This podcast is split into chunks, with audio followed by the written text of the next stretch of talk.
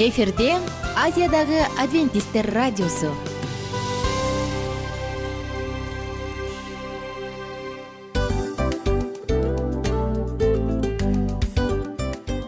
Достор салют. Баардык сүйүктүү угармандарыбызга салам айтабыз. Кутман күнүңүздөр менен. Ден соолук өмүрдүн булагы демекчи саламат саамы программасында баарыңыздарды көргөнүбүзгө абдан кубанычтабыз. Анда алгач амандашып өтөлү арбаңыздар деп. Ден соолугуңуздар кандай элибизде көбүнчө ден соолук кандай дегенде эле жакшы деп жооп беребиз э? ооруп турсак дагы жакшы дейбиз. Анан мен муну айтып ойлойт элем бул абдан сонун сөз депчи анткени бул жакшы деген үмүт да э ооба. баары жакшы болот. Баары сонун. Деп үмүттөнүп атып эле өзүбүздү өзүбүз дарылап коебуз. Анысы кандай? Сиздин дагы ден соолугуңуз жакшы беш деген үмүттөбүз чындыгында ден соолук бул өмүрдүн булагы деп бекеринен айтылган эмес деп ойлойм. Кыргыз элинде анткени эгерде ден соолук жок болсо анда адамдын жашоосунда калган баардык керектүү маңыздуу нерселер өзүнүн баалуулугун жоготуп коет. Ошондуктан ден соолук бул эң керектүү нерсе. Ооба туура айтасың кесиптешим. Чынында ден соолугуң жок бир эки үч күн ооруп калсаң эле э кандай болуп калат? Жашоодо көз каранды болуп каласың көп нерсеге жетишпей каласың көп нерсени кыла албай каласың жада калса эшикке дүкөнгө да чыга албай каласың. Туптуура анан ден соолук болсо демек биз биздин бактыбыз тоодой деп койсок болот. Анда достор саламат саамы рубрикабызды баштайлы. Алдыда өзүңүзгө керектүү болгон сонун кеңештерди уга аласыздар. Мына ошондуктан биз менен бирге болуңуздар. Ал эми биз болсо милан жана айнура. Кеттик алга. Алга саламат саама ден соолуктун жарчысы. Саламат саама ден соолуктун ачкычы. Күн сайын сиз үчүн мыкты кеңештер сонун жаңылыктар кызыктуу фактылар биздин рубрикада.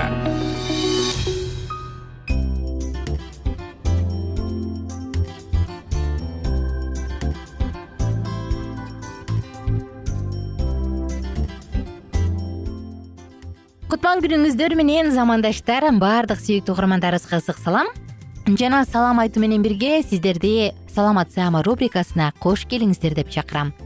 Достор бүгүнкү уктурууда дарыгерлер менен болгон маекте сонун маалыматтар айтылат жана мен ишенем бул маалыматтар сиздин жашооңузда чоң жардам тийгизет деп.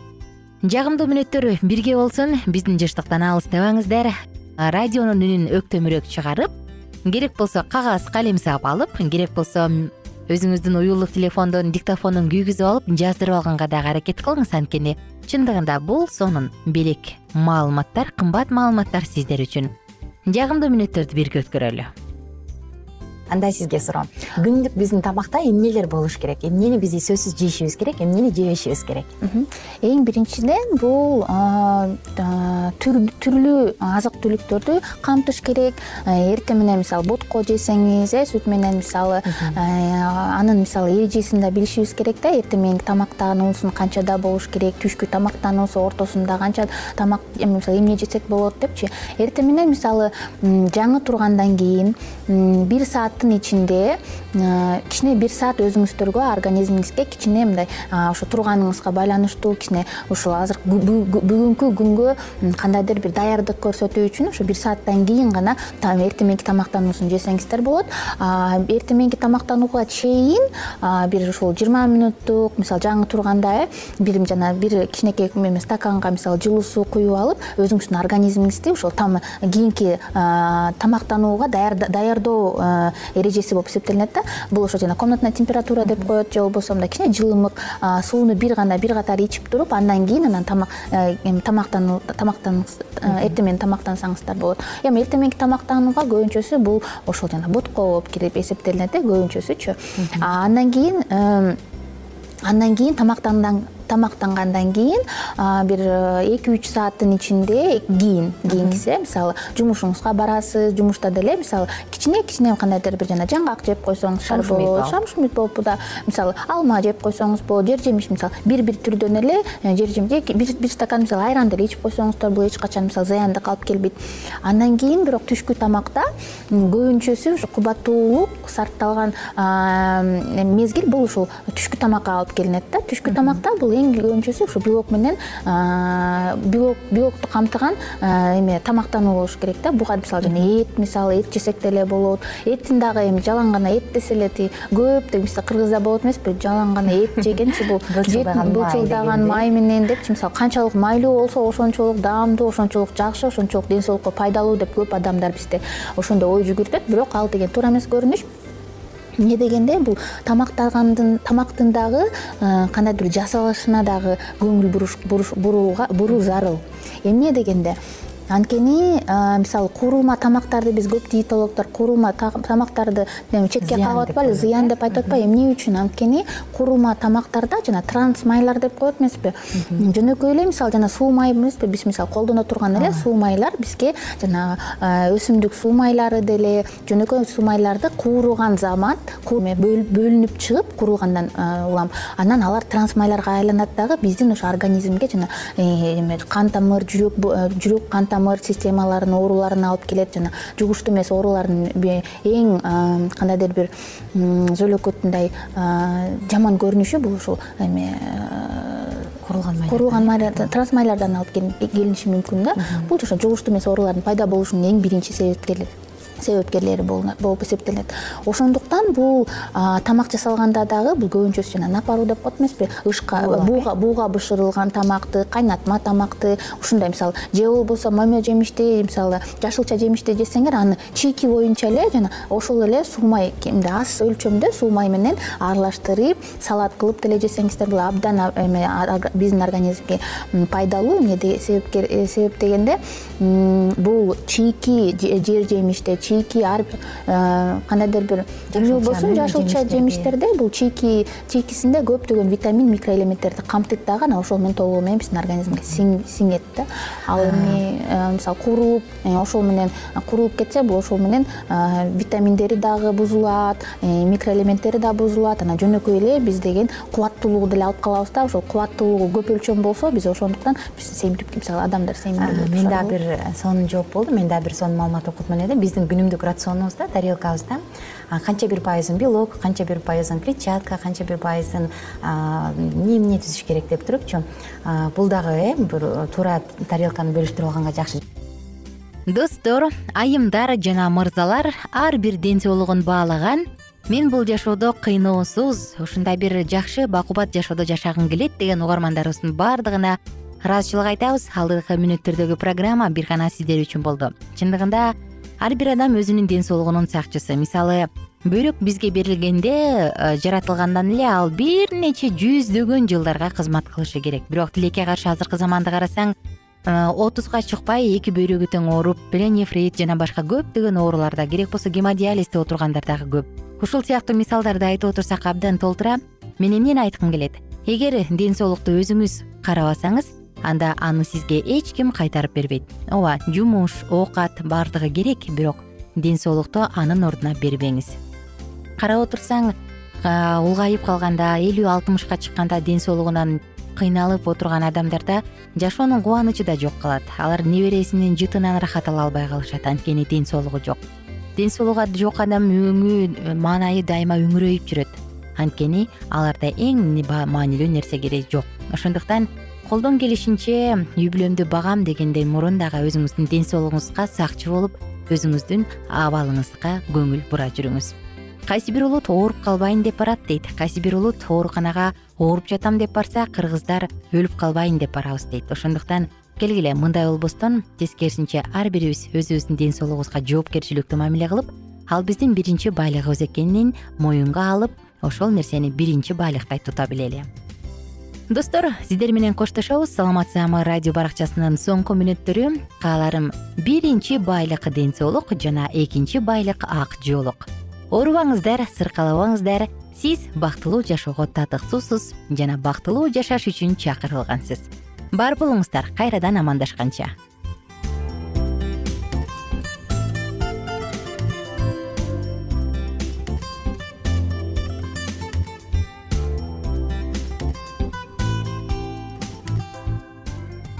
кененирээк маалыматтар үчүн үч w чекит саламат чекит клуб сайтына келип таанышыңыздар. Жана андан тышкары социалдык тармактарда youtube facebook жана instagram баракчаларына катталыңыз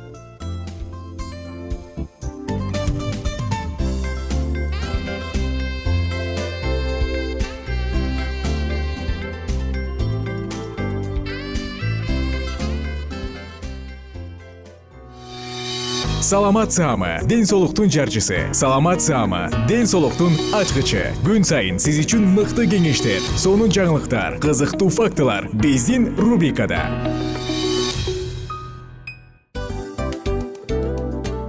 Салам достор. Кайрадан биздин сүйүктүү рубрикабызга кош келиңиздер деп айтмакчыбыз.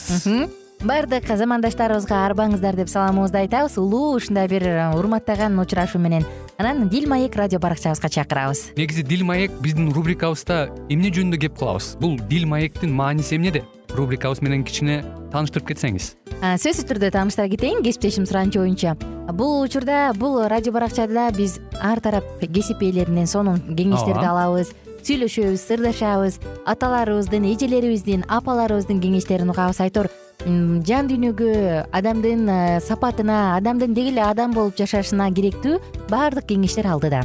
Негизи э, дил маек дегенде баягы эки адамдын ортосундагы сырдашуу кенен сүйлөшүү. Негизи эле биз адамдар бири бирибиз менен бир жерге жай жерге отуруп алып өзүнчө тынч э, жашоо жөнүндө өмүрүбүздө эмне болуп атканын бөлүшкөнү жакшы көрөбүз э адамдар. Ооба туура айтасың анан э, мындай учурга кээде убакыт да жетпей келет э? Же болбосо сырыңды кайгыңды муңуңду кубанычыңды айткың келет а адамга ишенбешиң мүмкүн. Ооба. А бул радио баракча угармандарыбыздын чыныгы досу анткени бизден алган кеңеш сиздин жашооңузга чоң жардам берет. Ал эми сиздин бизге айта турган сөзүңүз ортодо гана сыр бойдон калат. Ошондуктан биздин дил маек рубрикабызга дагы бир жолу кош келиңиздер. Жана биз даярдаган маалыматтарга даяр болуңуздар.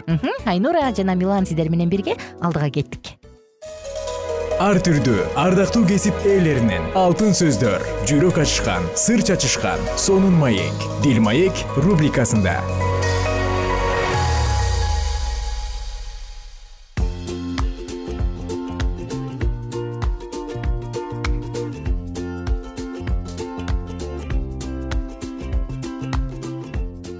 Салют достор баардык угармандарыбызга ысык салам. Сиздер менен кайрадан дил маек радио баракчасындабыз кутмандуу куш убак күнүңүз менен урматтуу угарман. Биз э, дил маек уктуруусунда э, кечирим эмес кечиресиздер.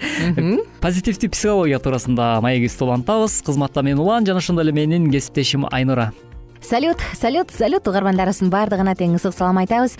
Чындыгында биз мурунку эки уктурууда акыркы э позитивдүү психология жөнүндө сөз кылып жатканбыз. Анан мен бир ой менен бөлүшүп берейин дебедим беле. Ооба. Мен жашоомдо өзүм билем да кичинекей кезимде эмнеге азыр таң кала берем мүмкүн кичинекей кезибизде баягы бала чак э, кыйын жашоо болгондуктанбы ал учурда атам ичкилик иччүү жетишпеген материалдык кыйын жашоо болчу да.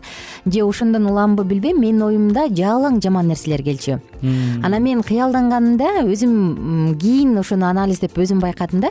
Ошол нерсенин баары эле ушундай хаппи энд эмес эле тескерисинче кайгылуу финиш ушундай моундай болуп калсам моундай болсо деген бир өзгөчө коркунучтар ушундайлар бар болчу экен да. Анан мен кийин жашоомдо өзгөрүүлүү болуп баягы жаратканды таанып калгандан кийин менин оюмда көп нерсе негатив экенин байкап жок мен оюмду алмаштырышым керек дедим да. Анан инжил китебин бир жолу окуп отуруп ал жактан силердин ой жүгүртүүңөр ыйса машаяктыкындай болсун деген сөздү окуп калып анан аябай таң калдым да. Кандайча депчи?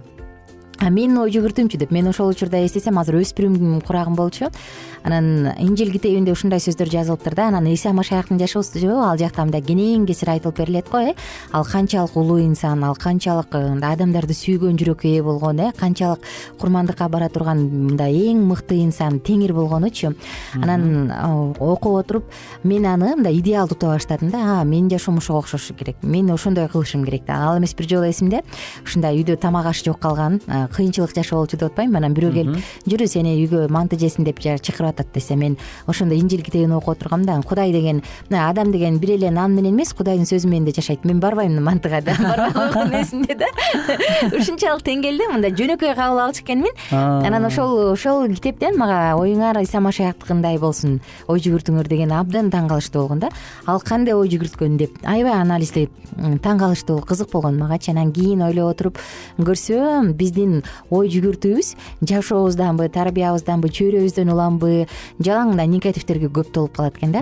Анан ошонун негизинде мен мектепте окуп жүргөндө курбуларым бир эки эле курбум бар болчу. Калган мындай адамдар менен сүйлөшкөндү көп билчү эмесмин сүйлөшкөндү эмес достошконду билчү эмесмин анткени ишенчү эмесмин да көп. Бул эртең алдап кетет деген сыяктуучу. Анан байкап отурсаң мунун баардыгы жанагындай ичкиликтин кыйын жашоонун натыйжасы болчу экен да. Анан карап отуруп көрсөм менин ой жүгүртүүмдү тескерисинче мен адамдар менен достошо алгандай кылып өзгөртүшүм керек экен. Көрсөм мен тескерисинче ачылып сүйлөшүшүм керек экен деп анан көп нерседе башталган да ушул менин жашоомдо мындай ойдун канчалык деңгээлде маанилүү экени ушундан байкалган. Ооба абдан жакшы чоң рахмат. Кесиптешим чындап эле өзүңдүн жашооң менен мындай ачык айрым бөлүшүп бергениң үчүн. Э, бул да косо сенин жашооң э, бизди тыңдап жаткан айрым бир угармандарга балким ошо сенин тагдырыңа окшогон угармандарга чоң бир э, мыкты жардамын тийгизет деген ойдомун.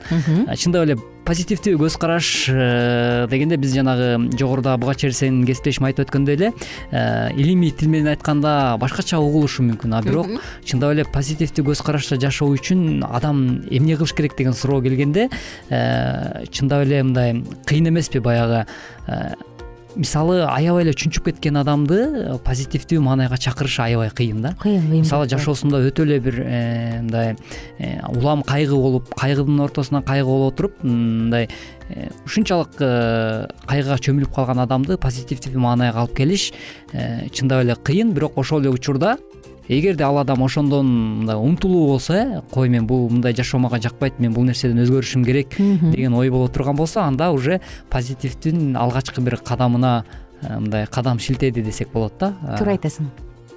Менде дагы бир кичинекей аңгемени эстеп кеттим. Эки эгиз болот да бирөөсү аябай позитивдүү шайыр ачык бала. Экинчиси өтө түнт жалаң негативтерди байкаган мындай негативдүү бала болот да. Анан экөөнүн туулган күнү бир да анткени экөө эгиз анан ата энеси психологдорго барып эмне кылып өзгөртөбүз билбейм. Бирок бул дайыма нааразы. Эмне кылабыз билбейбиз дейт да. Анан психолог баягы абдан мындай акылман психолог экен. Мен силерге бир тапшырма берем ошону аткаргыла. Анан кийин мен силерге кийинки кадамда эмне кылыш керек экенин айтайын. Ага чейин келиңиздер балаңар чын эле негативдүүбү жалаң негативди алып жүрөбү ошону билели дейт да. Анан туулган күнүндө айтат силер позитивдүү жүргөн балаңарга жөн гана аттын кылын салып туруп берип койгула дейт. Белекечи. Ал эми негативдүү жүргөн балаңыз эмнени жакшы көрөт дегенде тигилер айтат да ал абдан жакшы акыркы модельдеги бир учкуч вертолетту самап жүрөт. Десе анда ошону белек кылгыла. Колуңардан келишинче дейт. Анан баягы туулган күнү болот. Туулган күнүндө ата энеси экөөнү эки коробка даярдап туруп коюп коюшат. Анан негативдүү бала ачып алып баягынычы вертолетту и оюнчуктур а э мунун канаты да кенедей экен. Э бул жакшы учпойттур а деп анан болгон негативди төгөт да. Карасаң деп а баягы аттын кылын эле салып берип койгон позитивдүү баласы болсо ачып алып о аттын кылы! Аттын кылы! Анда ат азыр тиякта корото турат болуш керек. Азыр мен чуркап барып карап келейин. Ой мен атты болуп турмун карачы! деп мындай ушунчалык деңгээлде өзүнүн маанайын көтөрө алды дейт да. Анан ошондон кийин чын эле бул балабыз негативди алып жүрөт экен бул бала позитивди алып жүрөт экен деп анан андан ары психологдор менен иштешип аларды өзгөртүүгө аракет кылышты анысы кандай жашоодо чын эле жалаң жаман нерселерди байкагандар бар. Эмнени айтпа эмнени кылба бирок минус жагын гана байкайт. Анан койчу минус жагын эле байкабайын деп туруп жакшы жактарын көргөнгө да аракет кылган позитивдүү адамдар бар. Ооба туптуура чындап эле бул окуя да абдан э, мындай ар бир адамды ойлонтура турчу сонун окуя экен. Андыктан чындап эле сиз дагы урматтуу угарман бүгүнкү күндө позитивдүү көз караш менен жашап жатасызбы? Же тескерисинче негативге көбүрөөк э, акыл ой сезимиңизди толтурдуңузбу? Ушул туурасында кандайдыр бир ойлоруңуз суроо жооп бир пикирлериңиз болсо сөзсүз түрдө биздин whatsapp номерибизге өзүңүздүн пикириңиз менен бөлүшсөңүз болот. Ал эми бизге бөлүнгөн убакыт дагы аз гана убакыттар калды. Секундтар калды. кесиптеш эмне дейбиз саатыбыздын аягында э кийинки уктуруубузда позитивдүү ой жүгүртүүгө кантип үйрөнсө болот? Мына ушул жөнүндө сөз кылсак жакшы болмок. Ага чейин жалпыңыздар менен убактылуу гана коштошобуз. Кесиптешим улан жана мен айнура кызматыңыздарда болдук. Кандай ойлорду ойлоп жатабыз? Келиңиз бүгүн карап көрөлү. Мүмкүн сиз бирөө менен дайыма эле чукчуңдап уруша берсеңиз ошол адам жөнүндө ал жокто дагы жаман ойлоп жаткандырсыз ким билет? Келиңиз ойлорубузга бир сары эсеп салып көрөлү. Ооба дайыма оюңуздарда жакшы гана көзөрмөндөр э, боло берсин деген тилек менен коштошобуз. Аман туруңуз.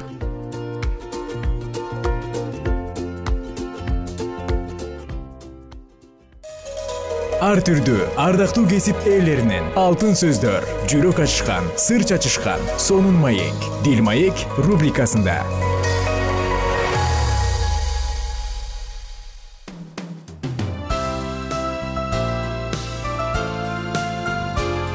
эфирде азиядагы адвентисттер радиосу.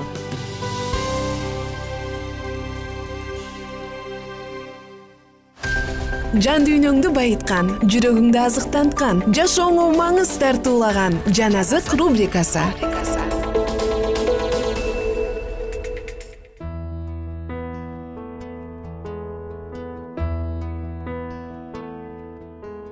кымбаттуу замандаштар баардык угармандарыбызга ысык салам айтып сиздер менен бирге кийинки жагымдуу сонун саатыбызды баштадык. Жан азык рубрикасына кош келиңиздер. Бүгүн дагы сиздер менен бул саатта келечектин үмүтү келечекке жаркын жарык тартуулай турган аян китебиндеги пайгамбарчылыктар тууралуу кебибизди улантабыз.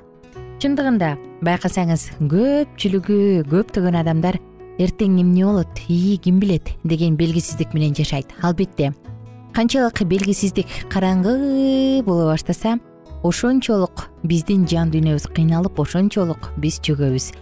Эгерде бизде тирүү үмүт болсо бизде тирүү бир ишеним болсо анда биздин таянычтобуз бар деп тынчтыкта стресстен депрессиядан алыс болуп жашайбыз. Мына ошондуктан достор бүгүн сиздер менен бирге аян китебинде айтылган сонун маалыматтарды бирге улантабыз. Бир аз эске сала кетсем биз бул уктуруубузда аян китебиндеги руханий күчтүн булагы деп аталган теманы алганбыз жана ушул темада сөз кылып жатканбыз. Аян китепте кандай руханий күч руханий күч бар? Албетте сизге дагы кызык болуш керек бизге дагы кызык. Анда достор темабызды уланталы мурунку уктурууда биз ыйык жазуудагы аян китебиндеги бир нече кызыктуу фактылар менен таанышканбыз. Анын ичинен ыйса чындыгында ким болгон? Ыйса эмне кылган? Мына ушул жөнүндө да сөз кылганбыз. Бүгүн достор темабызды пайгамбарчылык китебибизди изилдөөнү андан ары улантабыз. Библия бул жөн эле китеп эмес. Ал кудайдын руху менен жетектелип жазылган. Ал эми ыйса жөнөкөй эле адам эмес. Конкреттүү деталдуу пайгамбарчылыктар ыйсанын кудай экенин далилдешет. Ыйса машаяктын азап чегүүсү жана аны өлтүргөндөгү жөнүндөгү пайгамбарчылыктардын таптак аткарылганына көңүл бурсаңыздар. Захария китеби он биринчи бап он экинчи аят. Ошондо алар менин акыма отуз күмүш шекел таратып беришет.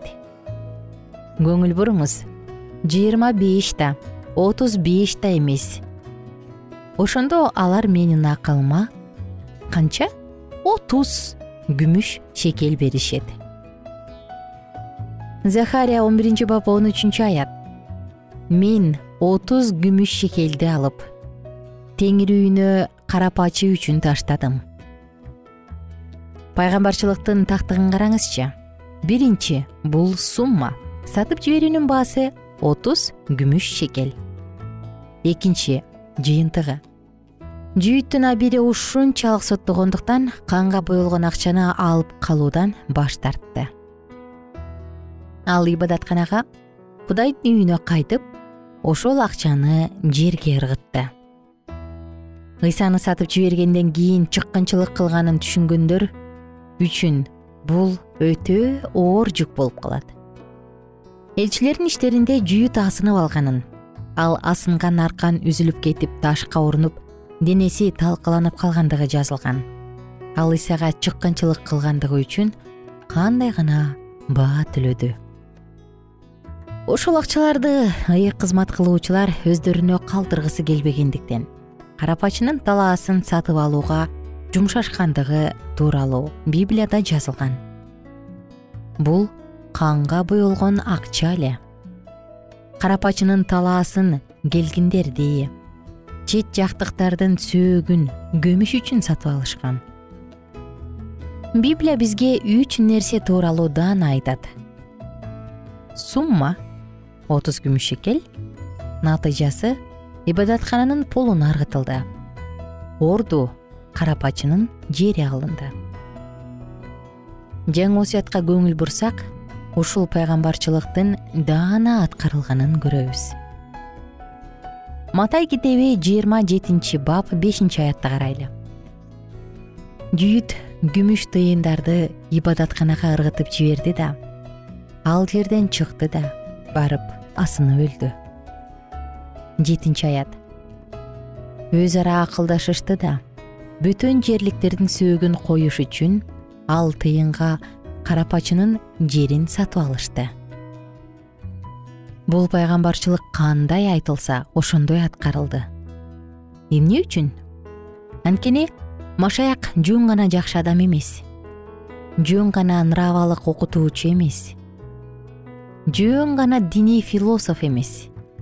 Ал кудай ыйсанын жашоосунун акыркы жыйырма төрт сааттык өмүрү тууралуу пайгамбарчылык кульминацияга жетти. Пайгамбарчылыктар анын өлүмү тууралуу айтышат. Ышая китеби элүүнчү бап алтынчы аятты карасак. Мени уруп жаткандарга мен кыр аркамды тосуп бердим. Уруп жаткандарга бетимди тосуп бердим мессияны ор токмокко алганга чейин алты жүз жыл мурун ышая пайгамбар ушундай пайгамбарчылык жазган кылган. Ал уруп жаткандарга өзүнүн бетин тосуп берди. Маскаралап жаба түкүрүшкөндө жүзүмдү жапкан жокмун. Пилаттын сарайында боло турган окуяны библия алты жүз жыл мурун кантип алдын ала айта алган? Ыйсаны кыр аркасына сокку урушаарын кандайча алдын ала айта алган карагылачы. Анын башына тикенекти ачы кийгизип жатышат. Карагылачы. Ага чапан кийгизип бетке ургулап жатышат. Карагылачы. Аны кандай гана шылдыңдап жатышат? Ага жаба түкүрүп жатышат. Аны кандай гана каргап жатышат достор биз кийинки уктуруубузда теманы андан ары улантабыз. Мындан ары дагы кандай кызык пайгамбарчылыктар айтылганына дагы кенен токтолобуз. Мына ошондуктан баардык сүйүктүү досторубуз менен убактылуу гана коштошобуз. Күнүңүздөр көңүлдүү маанайда улансын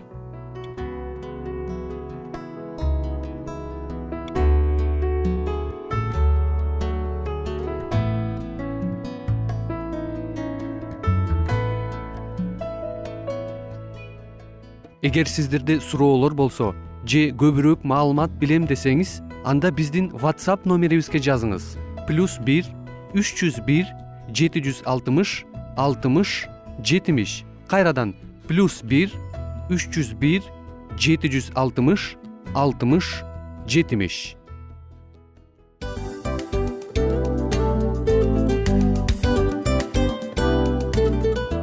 ушул менен достор программабыздын уктуруубуздун эң кайгылуу мөөнөтүнө келип жеттик. Кайгылуу дегенде ыйлагым келип кетти кесиптеш кадимкидей.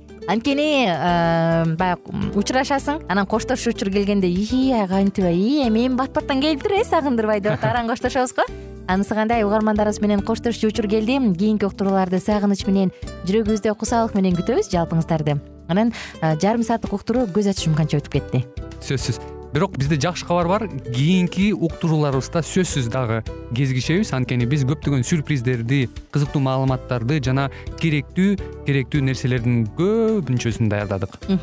Анда угармандарыбыздын баардыгына ийгиликтүү күн каалайбыз эгерде бүгүнкү күнүңүз өзгөчө э, өтүшүн кааласаңыз анда позитивдүү ой жүгүртүп жылмайып жакындарыңызга жакшы маанай тартуулап жүрө бериңиз анткени сөзсүз түрдө мунун арты кайтат э? Сөзсүз. Баягы ден соолугуң оңолот ал бул деп көп нерсени санап келебиз.